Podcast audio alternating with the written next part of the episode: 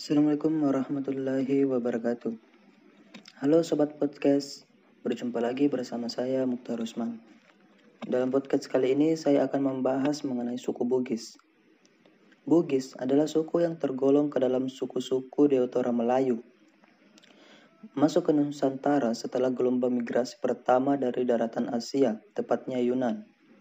Kata Bugis berasal dari kata Tougi, yang berarti orang Bugis Penamaan Ugi merujuk pada raja pertama kerajaan Cina yang terdapat di Pemana, Kabupaten Wajo saat ini, yaitu La Satu Pugi. Ketika rakyat La Satu Pugi menamakan dirinya, maka mereka merujuk pada raja mereka. Mereka menjuluki dirinya sebagai Tougi atau orang-orang atau pengikut dari La Satu Pugi.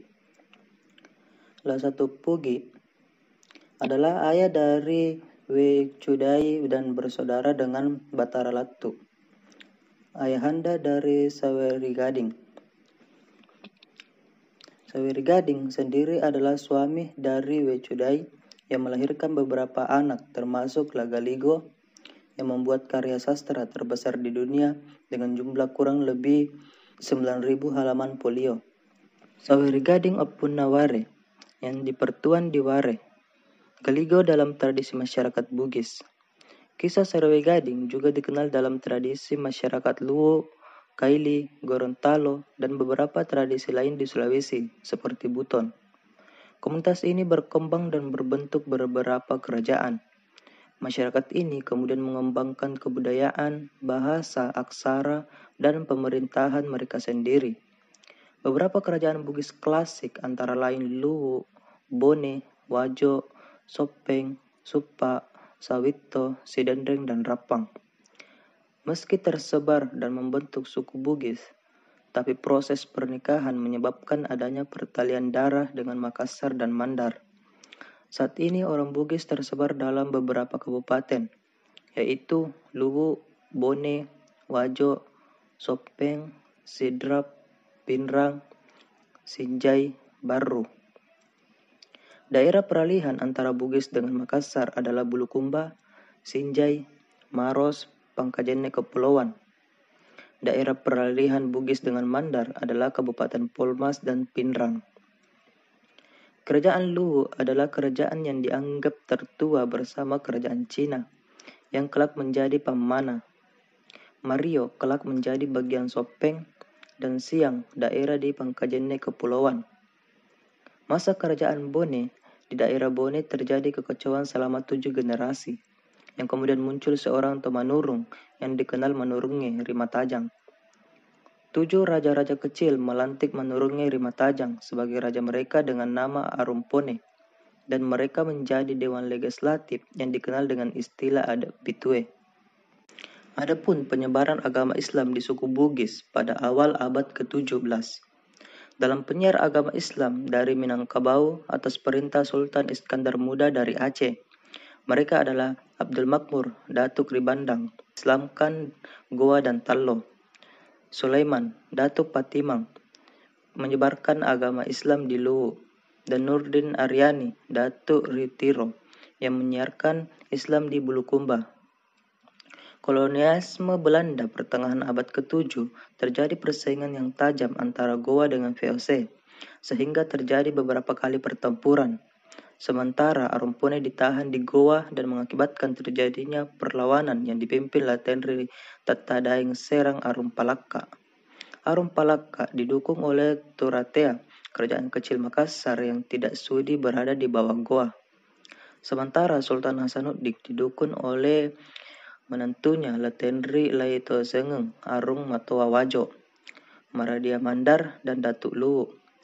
Perang yang dahsyat mengakibatkan benteng Sumba Upu luluh lantak. Kekalahan ini mengakibatkan ditandatanginya perjanjian Bongaya yang merugikan kerajaan Goa. Pernikahan Lapatau dengan putri Datuk Luwu, Datuk Sopeng, dan Sop Sobagoa adalah sebuah proses rekonsiliasi atas konflik di Jazirah Sulawesi Selatan. Setelah itu tidak ada lagi perang besar sampai kemudian di tahun 1900. sampai 1906 setelah perlawanan Sultan Hussein Kareng Lembang Parang dan Lapawawoi Kareng Segeri Arumpone dipadamkan. Maka masyarakat Bugis Makassar baru bisa betul-betul ditaklukkan Belanda.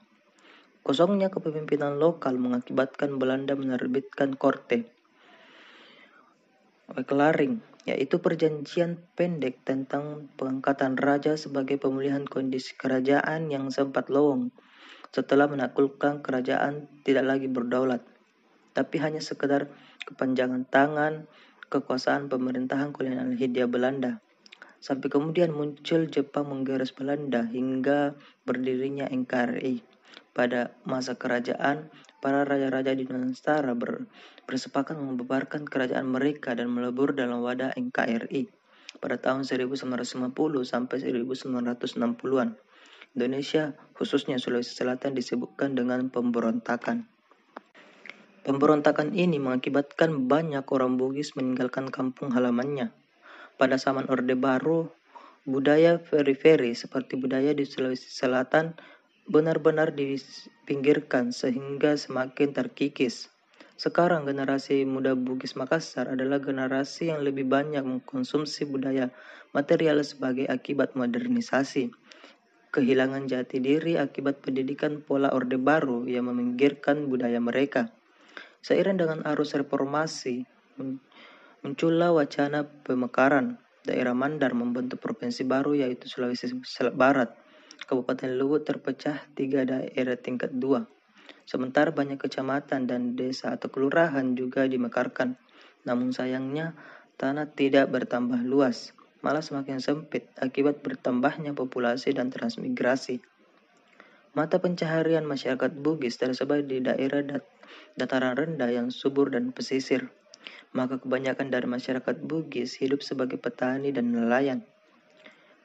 Mata pencaharian lain yang diminati orang Bugis adalah pedagang.